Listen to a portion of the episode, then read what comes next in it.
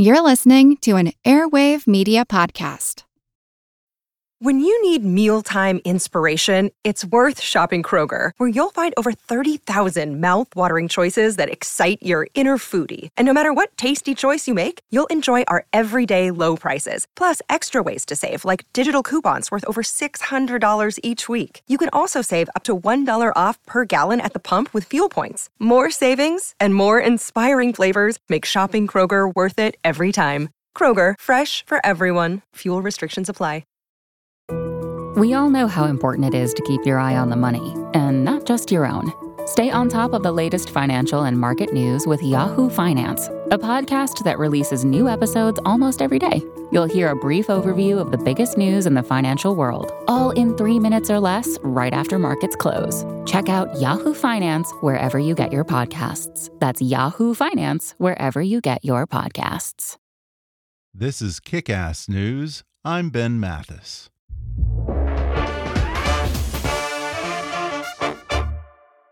No one compliments you when their paycheck is correct, but make one mistake and you risk alienating your entire workforce. Kronos makes sure your payroll is done right the first time from punch to paycheck. With embedded checklists and simplified workflows, Kronos is your single source of truth. With Kronos, you get HR, payroll, talent, and timekeeping in one unified system, all with a proven implementation approach and simplified, transparent pricing. Learn more at kronos.com/payroll. Kronos, workforce innovation that works. And now, enjoy the podcast. Hi, I'm Ben Mathis. Welcome to Kick Ass News. Chris Christie has never been one to mince words, not as the corruption busting U.S. Attorney for New Jersey, not during his eight years as that state's governor, not as a presidential candidate in the 2016 Republican primary, and not even after he dropped out of that race, endorsing his opponent for the nomination, the equally brusque Donald Trump. A friend of Trump's for 15 years, he quickly became one of Trump's most trusted advisers and perhaps the only person who could speak bluntly to the future president and explain difficult truths without sugarcoating it. Tasked with running Trump's transition team, Christie was nearly named his running mate. But within days of Trump's surprise victory over Hillary Clinton, Christie was in for his own surprise. He was being booted out. But now, Chris Christie is getting the last word in his new memoir titled Let Me Finish Trump, the Kushners, Bannon, New Jersey, and the Power of In Your Face Politics. And on today's podcast, he sets the record straight about his tenure as a prosecutor and a Republican running a Democratic state, as well as what really happened on the 2016 campaign trail and inside Trump Tower. He recalls how his friendship with Donald Trump began long ago and the nasty details of the infamous Charles Kushner case that would one day come back to haunt him. He talks about why he passed on running for president in 2012, Hurricane Sandy, and that notorious Obama hug, which he says wasn't really a hug, and how the Romney campaign used that picture as a scapegoat for their own candidate's defeat. We also get into the George Washington Bridge scandal. He says he even had to convince his own son that he had nothing to do with it, and in the end, it boiled down to stupid people doing stupid things. I ask him if he thinks the Trump Russia collusion could turn out to be something similar to that. He says he could tell General Mike Flynn was trouble from day one. He talks about his former colleagues, Bob Mueller and James Comey, and he shares the advice he gave Donald Trump when the whole Russia investigation began. He reveals why he believed he was going to be tapped as Trump's running mate, how Jared Kushner tossed out the entire Trump transition plan just to get even with him, and the day Chris Christie finally got fed up with all the sycophants and backstabbers around the president and said, I'm done. Plus, how he became the first YouTube governor, why he unfollowed every New Jersey reporter on Twitter, and why it took him three months to convince Donald Trump to cash his check. Coming up with former New Jersey Governor Chris Christie in just a moment.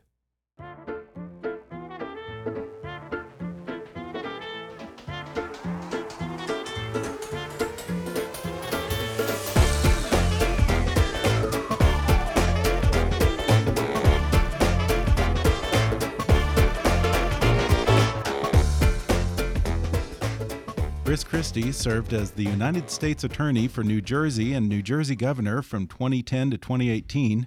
During his tenure, he chaired the Republican Governors Association and President Trump's Opioid and Drug Abuse Commission.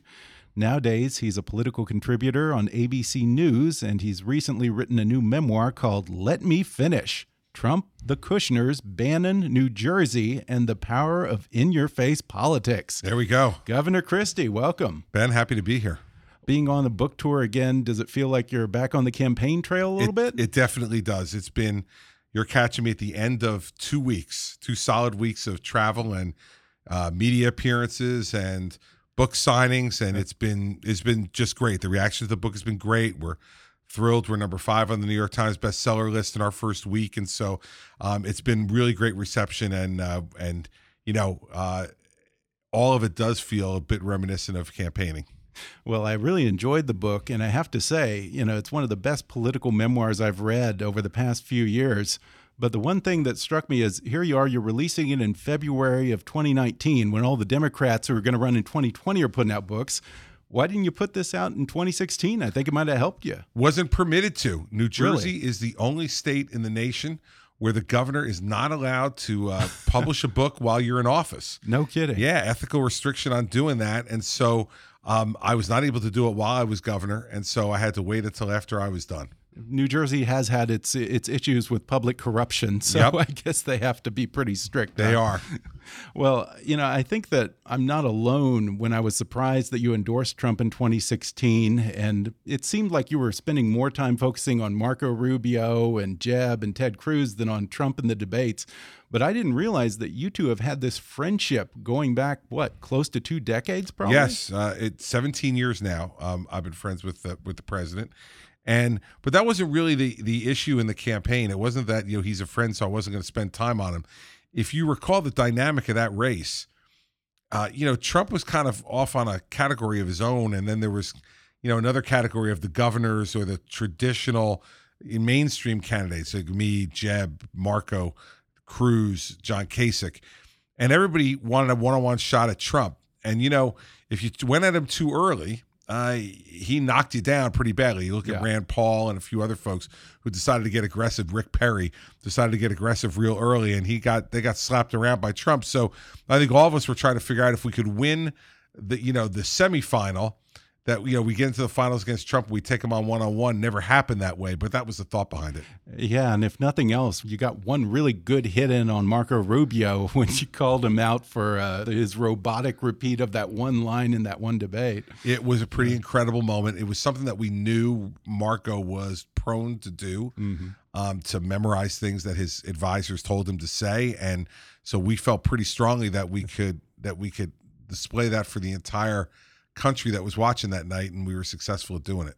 You had kind of carved out this niche for yourself in the GOP as the East Coast guy from blue state Republican who was brash, tells it like it is, doesn't put up with a lot of BS.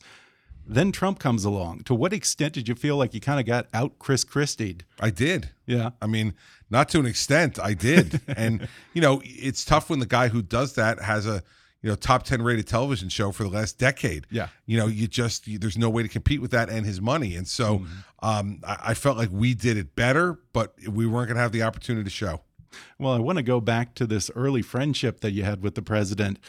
There's this great story in here about a time early in your friendship when you're the U.S. Attorney for New Jersey, and Trump sets up this anniversary dinner for you and your wife, Mary Pat, at Le Cirque. And I think it says so much about the way you operate and also about the way he operates. Can you tell that one? Sure. Uh, he set up this reservation. He, we were supposed to go to a different restaurant of his, and the restaurant was closed. And so he said, "No, no well, don't worry about it. I set up. Uh, I set this up at Le Cirque, and it was for Mary Pat's 40th birthday." And so we went there, and we had a wonderful meal. And at the end of dinner, I said to the waiter, "You know, okay, just I need a check." And he said, "Sure," and he walked away. And then the maitre d came back and said, "There's no check tonight. Mr. Trump is taking care of it." I said, "No, no, no. You don't understand. I'm the United States Attorney for New Jersey. I can't accept anything like that. So you need to bring a check." And he said, "Mr. Christie, I don't care who you are. To tell you the truth, Mr. Trump's a very good customer, and he has told me that he is taking care of the check, and so that's that." And I said, "Well, bring me the menu back." So he brought me the menu back, and I took down the the prices of all the things that we had to eat. and uh, and added a healthy tip. And then when I got home that night, I wrote him a check, and I wrote him a note saying like, "Listen, encloses a check for dinner. I appreciate the gesture, but I I am not ethically able to accept that. And you say you want to be my friend. If you want to be my friend, you'll cash the check." And it took three months and eventually talking to him on the phone where he had told me he framed the check because it was the first check he had ever gotten from a public figure and he thought it was just so great he showed it to me but i said well take the check out of the frame make a xerox of it and cash the check and finally the third month he he cashed the check and After so three months. three months of pe- three months of pestering him Now, I think that you say it was his sister who introduced the two of you, and you struck up this friendship. What do you think his interest was in you at that early on? Donald is a collector of people. And so when he sees someone that he thinks might have a chance to be successful or important, um, he likes to get to know them. And I've seen him do this over the years since I was collected back in 2002. And I think that was it. I think he saw someone who was the new U.S. attorney and he thought it was a great idea for he and I to, to get to know each other. And it turned out to be a really great idea. We've had a great relationship. Uh, looking back at those early days, could you have ever imagined the impact that Donald Trump and the Kushners would have on your own political fortunes? No, no. it's it's when you read the story. If this were a novel, no one would believe it. Um, the, the, this twist and turn of these relationships and the and the serendipity that's involved here is just breathtaking.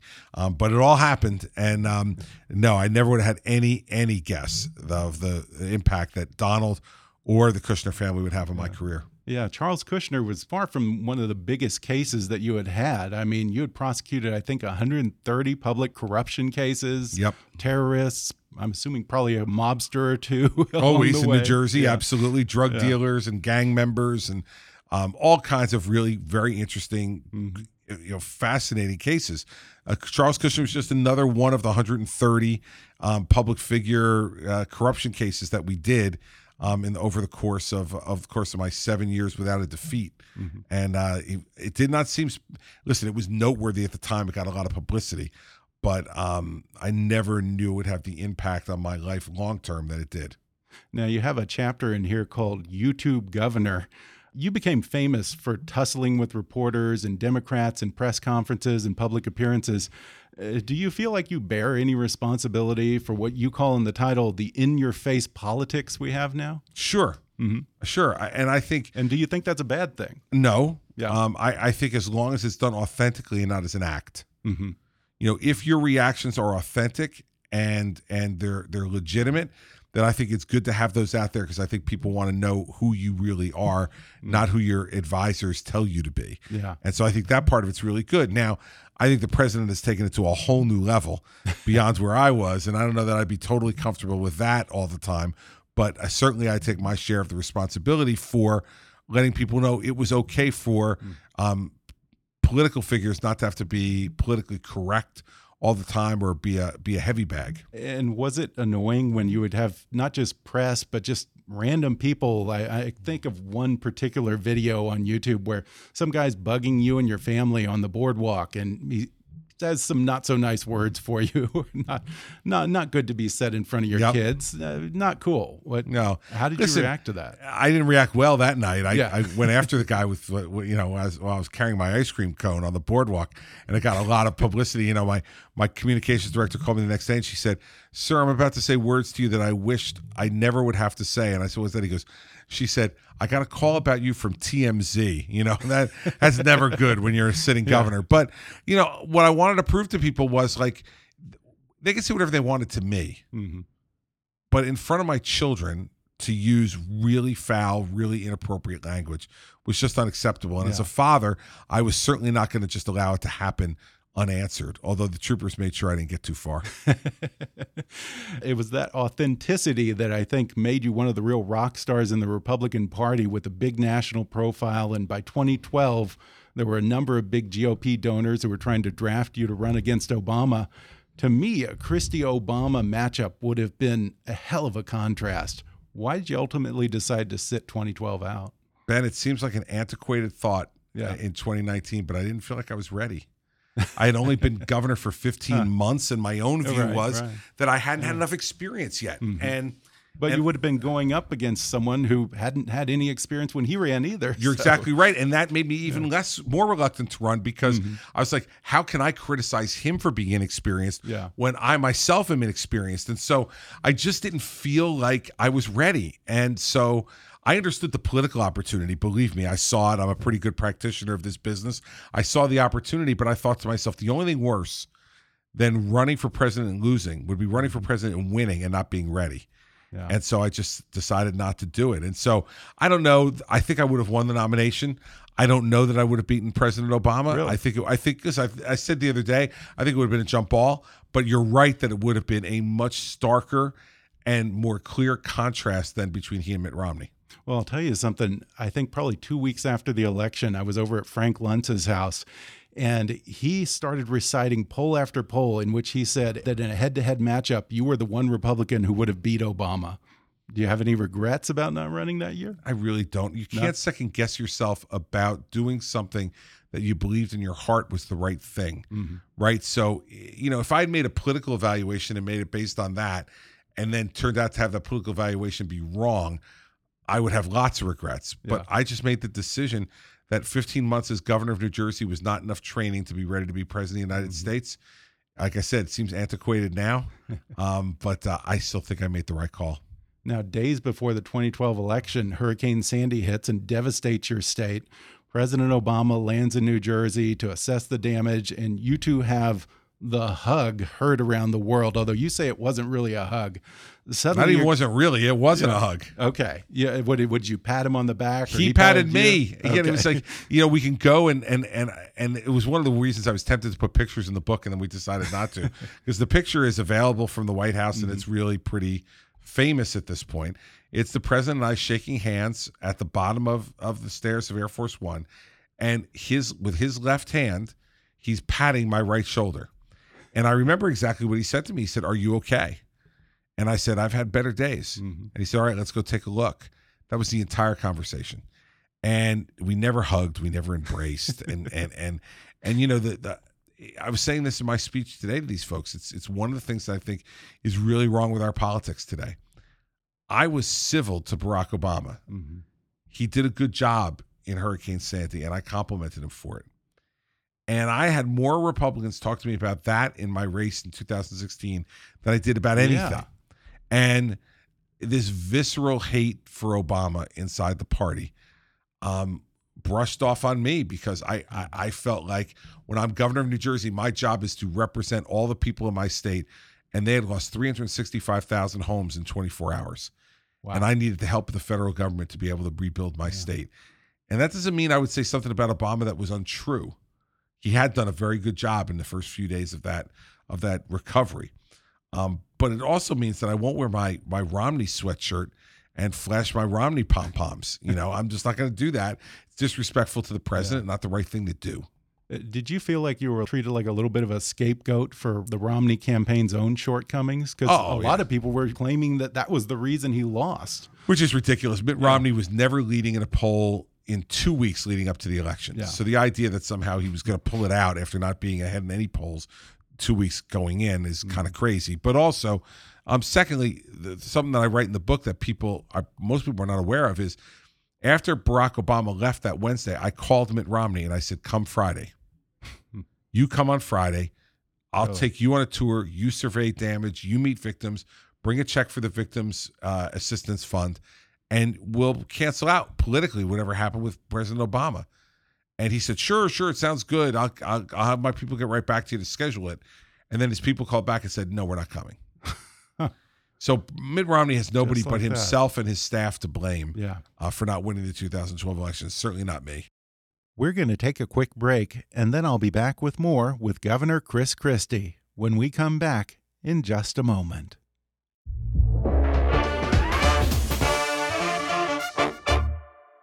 If there's something interfering with your happiness or preventing you from achieving your goals, BetterHelp Online Counseling can help. BetterHelp offers licensed professional counselors who are specialized in issues such as depression, anxiety, relationships, trauma, anger, family conflicts, LGBT matters, grief, self esteem, and more. Connect with your professional counselor in a safe and private online environment. and get help at your own time and at your own pace. Anything you share is confidential. And it's so convenient, you can schedule secure video or phone sessions as well as chat and text with your therapist. If for some reason you're not happy with your counselor, though, you can request a new one at any time for no additional charge. Best of all, it's a truly affordable option. Kickass News listeners even get 10% off your first month with the discount code KICK. So why not get started today? Go to betterhelp.com/kick. Then simply fill out a questionnaire to help them assess your needs and get matched with a counselor you'll love. That's betterhelp.com/kick. One more time, betterhelp.com/kick. In today's age, it can be hard to find the time to sit down and learn more, especially when the likes of social media can be so addictive and time consuming. So you might think you don't have the time to read a book or to develop yourself. Well, think again. Blinkist is the only app that condenses thousands of nonfiction books into the best key takeaways and need to know information, so you can read or listen to them in just 15 minutes. 8 million people are using Blinkist right now, and it has a massive and growing library from self help, business, and health to history books. I like Blinkist because in less than 15 minutes, I can get the gist of a book or take a quick refresher course on something I read years ago. Plus, I'm an auditory learner, so I love that Blinkist allows me to listen. Not long ago, I used Blinkist to reacquaint myself with two classics Dale Carnegie's How to Win Friends and Influence People, and Stephen Covey's The Seven Habits of Highly Effective People. More recently, I just enjoyed the book Becoming by Michelle Obama and listened to Steven Pinker's Enlightenment Now in preparation for my interview with Dr. Pinker. And right now, for a limited time, Blinkist has a special offer just for my audience. Go to Blinkist.com/kick to start your free seven-day trial. That's Blinkist, spelled B-L-I-N-K-I-S-T.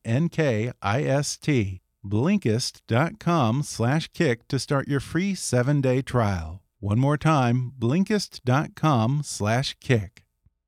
And now, back to the show. Now, the other big test of your time as governor was this whole George Washington Bridge scandal.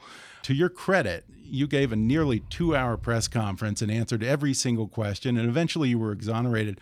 But you say it took your own son asking if you did it to convince you to actually speak out. And even after that, you got a call from George W. Bush. He's telling you how great the conference was. And then he says, just between us, did you do it? yeah. I mean, because if you remember, the, the coverage was so crazy, yeah. so insane. Um, a Media Matters study got done for that month of January of 2014, and the Obama IRS scandal, Lois Lerner was going out at the same time. And they said that in the month of January of 2014, the George Washington Bridge scandal got 17 times the coverage of the Obama IRS scandal. Wow. And two weeks after it broke, I saw Jon Stewart, the old host of The Daily Show, on the street in New York, and he's from Jersey. He knows me. He came up to me and he said, How are you doing? I said, Well, I've had better weeks. And he said to me, You know, this coverage is insane. He said, I didn't know that you were already the president of the United States of New Jersey. and that's really the way it felt. And yeah. and I think there's no question in my mind that that's what cost me the presidency. Yeah. Now, in the end, you said that it was a case of stupid people doing stupid stuff. Do you think the whole Trump Russia collusion is going to turn out to be something similar? Could be. Mm -hmm. Could be. Depends on who else Bob Mueller gets, if anybody else but it could turn out to be that because I don't think that this campaign, quite frankly, was organized enough to collude. Um, really? I really don't. I mean, and you saw listen, that firsthand. I did, and like, I mean, there's a section in the book where Jared Kushner calls me on a Sunday afternoon in the last week of August and asks me how many field ops do we need in Pennsylvania, and I said, well, how many do we have in Pennsylvania? And he said, well, we don't have any. Now, this is a state that Donald Trump had to win, yeah, in order to to win the presidency. There was no way you could win it without winning Pennsylvania, yeah. and his son-in-law, who's supposedly running the campaign, is asking me how many field ops we need at the end of August with only 60 days to go in the election. I mean, it's that kind of stuff that shows you how disorganized and unfamiliar with the normal rhythms and and uh, texture of a campaign these folks were. Yeah. And so uh, I don't believe that those same folks could run some kind of Tom Clancy operation with Russian intelligence to influence the election. I just don't buy it. As U.S. Attorney, you had dealt with both James Comey, who was uh, the neighboring U.S. Attorney, yep. attorney in New York, and also with Bob Mueller when he was running the FBI. Uh, do you think they're both men of integrity? I think Bob Mueller is. Mhm. I think Jim Comey's lost his mind. I Really? really do. Yeah, I mean, I think if Jim, if if any, Jim was my boss then at one point too. He was the deputy attorney general after he was U.S. attorney in Southern District in New York. Oh, right. And if I had ever done what Jim did, which was to announce no prosecution against a person, but then just absolutely berate them afterwards, all kind of adjectives about how irresponsible and how reckless her conduct was, um, he would have fired me on the spot, and he would have said to me, "Chris, your job is to talk about the person who you can bring charges against. Everyone else you should be silent on." And that's the rule of the Justice mm-hmm. Department. He broke it. He was sub- insubordinate to the Attorney General. He's insubordinate to the Deputy Attorney General. He felt like it was his decision that everyone was waiting for. And I just would tell you, Jim is a much different guy than I used to know. And in fact, is so now ego driven that it's hard to even get him on the phone. Really? Wow. Now, speaking of silence, I I think that your best advice to the president with the whole Russia matter is just don't say anything. And this is you Yeah. speaking as someone who's been on the other side of these things. I've been investigated and I've been an investigator.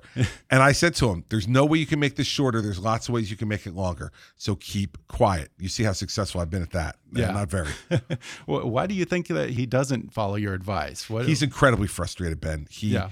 he cannot deal with the idea that he believes he did nothing wrong, that there's no evidence of having done anything wrong, and that now for two years Mm-hmm. he's been under investigation. And he can't, he's not built to deal with frustration. and so when he's frustrated, he lashes out. He has no other way to deal with it. And that's the way he deals with it. And I think that's a that's a tough person. at a certain point, you dropped out of the race and you endorsed Trump and you were made head of his transition plan. It doesn't sound like he likes transition planning. You, No. you said it's, he thought it was bad luck, right? Bad karma. Yeah. Bad karma. He used to tell me all the time, I haven't won anything yet. yeah. Chris, he said to me, We're so smart. You and I are so smart that we could leave the victory party two hours earlier and plan the entire transition.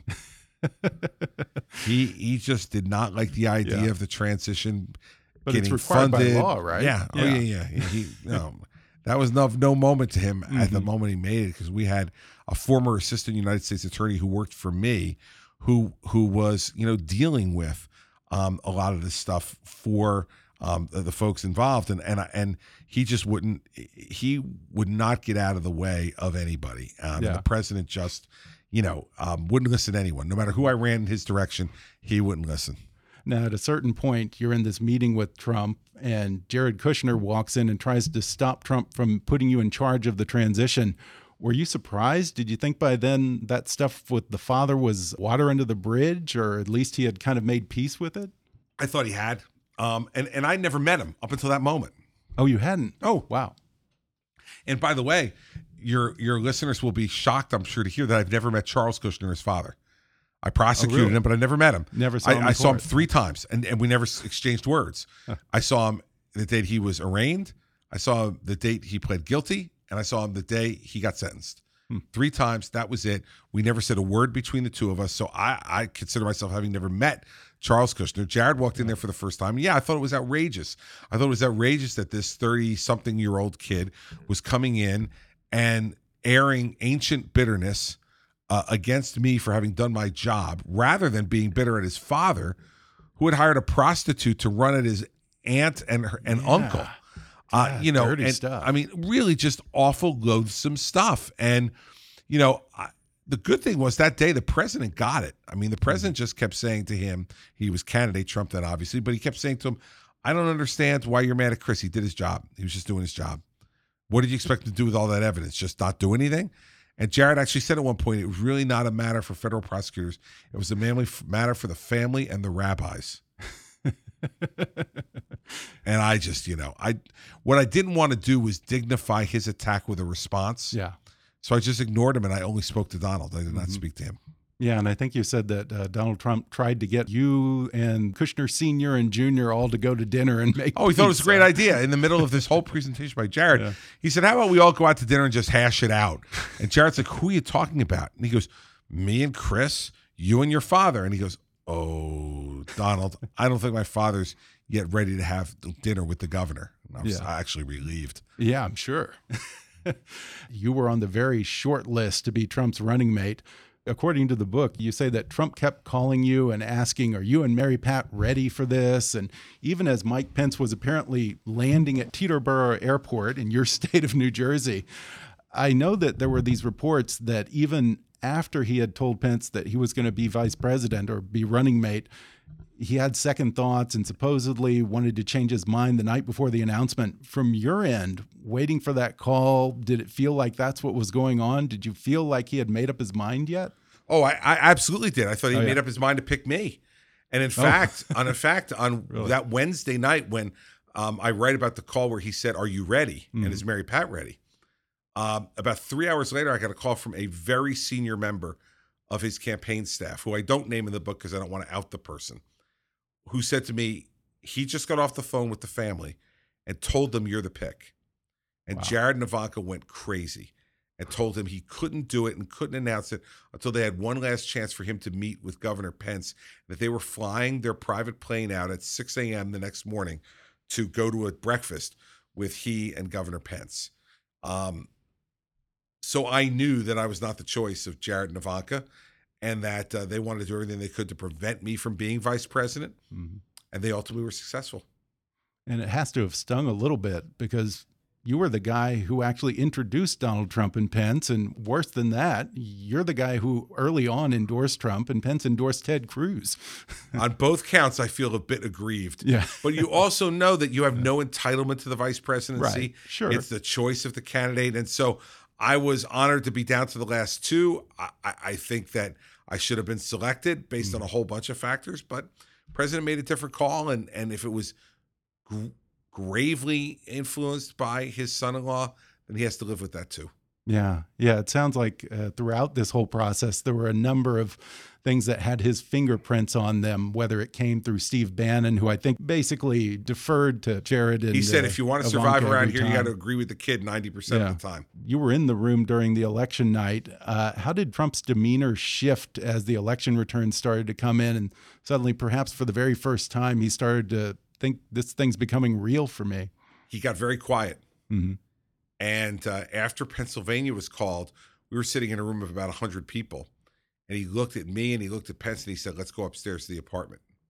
And I knew that, that at that moment he was feeling like, Oh my God, I really am going to be president. Wow. And I think it was an overwhelming thing to watch because the guy was, you know, one of the biggest underdogs in many ways ever to be elected president. And, and uh, from my perspective, you know, it was a, it was a wonderful night, but he had to keep an eye on his own and keep a check on his own Mhm. emotions. And and I have to say, reading this book, you know, I have a lot of respect for you because you were very loyal to the president. You gave him good advice, served him well, and you're a good guy. But it sounds like you went through these recurring cycles, arguably, probably at the hand of Jared Kushner, of getting close to being vice president, then attorney general, then RNC chair, only to have the rug pulled out from you at the last second. At what point were you finally just fed up with being jerked around and said, I'm done? after the RNC chair, and I write in Mhm. the book that um, I went up to see the president elect at that point, and I said to him, he said, "We're going to work all this out," and I said, "No," I said, "Goodbye. This is goodbye." Wow. And I said, "We've been friends for a long time. I'll always be your friend. I'll take your calls. I'll give you advice where you find it valuable, but um, I, I don't want a job here, and I'm just not going to be involved any longer. So, Yeah. thank you." And Wow. he said, "No, no, no. Call me tomorrow, and we'll work it out." And I said, "Go home, Mr. President." Yeah. And yeah, he went upstairs to his apartment in Trump Tower, and I went the other way. Yeah, he's a guy who always thinks that it can be worked out on a personal level, the power of Yeah. his personality is such that he believes if he got any of us in a room Mhm. and tried to convince us of the what we the exact opposite of what we believed, that he'd have a very good chance of convincing us. now he doesn't always, but that's what he thinks. Yeah. To your credit, you also declined offers to be Secretary of Labor and Homeland Security because you didn't think you were right for those positions. If Jeff Sessions knew that he was going to have to recuse himself from the Russia investigation, do you think he owed it to the president to do the same? Yeah. Yeah. And and I think that what he did was was awful. Mhm. I think what Jeff did to the president was just a terrible, terrible thing, not giving him full information about what he's going to do. That's why I believe that Jeff didn't recuse because of the campaign. Because if he had, he would have recused in November. You know, he would have told everybody True. then. Yeah. I think he recused because he got caught not telling the truth to a Senate panel about his interactions with Russians, The heat got raised really high, and he threw the president under the bus rather than take the heat himself. Wow. I, I think that's why the president was so angry with him. Uh, and and I think that you know Jeff did not serve the president well, or quite frankly, the country well Mm-hmm. towards what he did. Another person who you reserve particular scorn for is General Mike Flynn. You say that you knew he was trouble from day one. What alarmed you about Flynn? Um, ill-tempered, no sense of self-control, um, self-aggrandizer, Hmm. just all the things you don't want in somebody that's a really close aide. You know, you want people who are much calmer, much more in control of their demeanor, um, and and not self-aggrandizing, but working for the team. hmm And that was a bad moment. And then we did the pre- the candidate's first intelligence briefing after he was the presumptive Republican nominee. That was uh, he got to bring two people to those meetings, and he brought me and and Flynn. And Flynn behaved himself in that meeting like a child, like a petulant child, Hmm. interrupting, criticizing the other briefers, arguing with them, and just generally every kind of manner of showing off you can think of Yeah. were, were in his repertoire. And as a result, then, you know, there were no fans there. And that starts, you know, in July or so, June, July, of those intelligence briefings. And he does a number of them. And uh, I think that when he got in trouble, there was no one in the Justice Department there to say, hey, let's give him a break on this. So nothing surprised you. No. At one point, I think you say he even tried to convince Donald Trump to switch to being uh, pro-choice in the middle Yeah, I mean, of the imagine election. that, right? Yeah. I mean, it it was incredible. We were in the middle Yeah. of debate prep, and he was like, "I think what you should do, uh, Donald, is you should you should just surprise, shock everybody, Yeah. and just get up there and say you're pro-choice. It'll throw her off her game, and uh, and and you'll gain a lot of voters." And Steve Bannon spoke up and said, "Yeah, for every voter he gains in the middle, he's going to lose three on the right. Yeah. This is not a good idea." And it was really what ultimately allowed me when I took over debate prep for the second debate um, to jettison him out of the room and not allow him there. Wow. Before we go, there's a chapter in the book about your final day as governor. You say that after your successor was sworn in, you got in your car and the first thing that you did was go on Twitter and unfollow every reporter you knew. I did. How liberating was that? Incredibly liberating. Yeah. To no longer have to worry about following eight or 10 New Jersey based State House reporters who were on my back for eight years, most of them. Um, so it was really liberating to let it go. And it was a good, um, not only think symbolically, but good for me internally to make the break. hmm I wasn't following them every day, finding out what they're saying now. I could care less. Well, Governor, you're a good guy, and I hope this isn't the last we've seen of you in public life. The book is called Let Me Finish Trump, the Kushners, Bannon, New Jersey, and the Power of In Your Face Politics. Governor Absolutely. Chris Christie, thanks for talking with me. Listen, this is real thrill for me to be on Kick Ass Politics. Um, I'm a listener, and um, and I'm happy to be on the show. And thanks for taking the time to talk to me about the book and about all the other stuff we discussed. Thanks again to Governor Chris Christie for coming on the podcast. Order his book, Let Me Finish Trump, the Kushners, Bannon, New Jersey, and the Power of In Your Face Politics on Amazon, Audible, or wherever books are sold. And follow him on Twitter at, at Chris Christie. Whatever struggles you're facing, from depression and anxiety to trauma and grief, BetterHelp can connect you with a professional counselor in a safe and private online environment. It's so convenient you can schedule secure video or phone sessions as well as chat and text with your therapist. And anything you share is completely confidential. Best of all, it's a truly affordable option. Kick-Ass News listeners even get 10% off your first month with the discount code KICK. So why not get started? Simply go to betterhelp.com/kick and fill out a questionnaire to get matched with a counselor you'll love today. If you haven't already, be sure to subscribe to Kickass News on iTunes and leave us a review. You can follow us on Facebook or on Twitter at, at KickassNewsPod. And as always, I welcome your comments, questions, and ideas at comments at kickassnews.com. I'm Ben Mathis, and thanks for listening to Kickass News.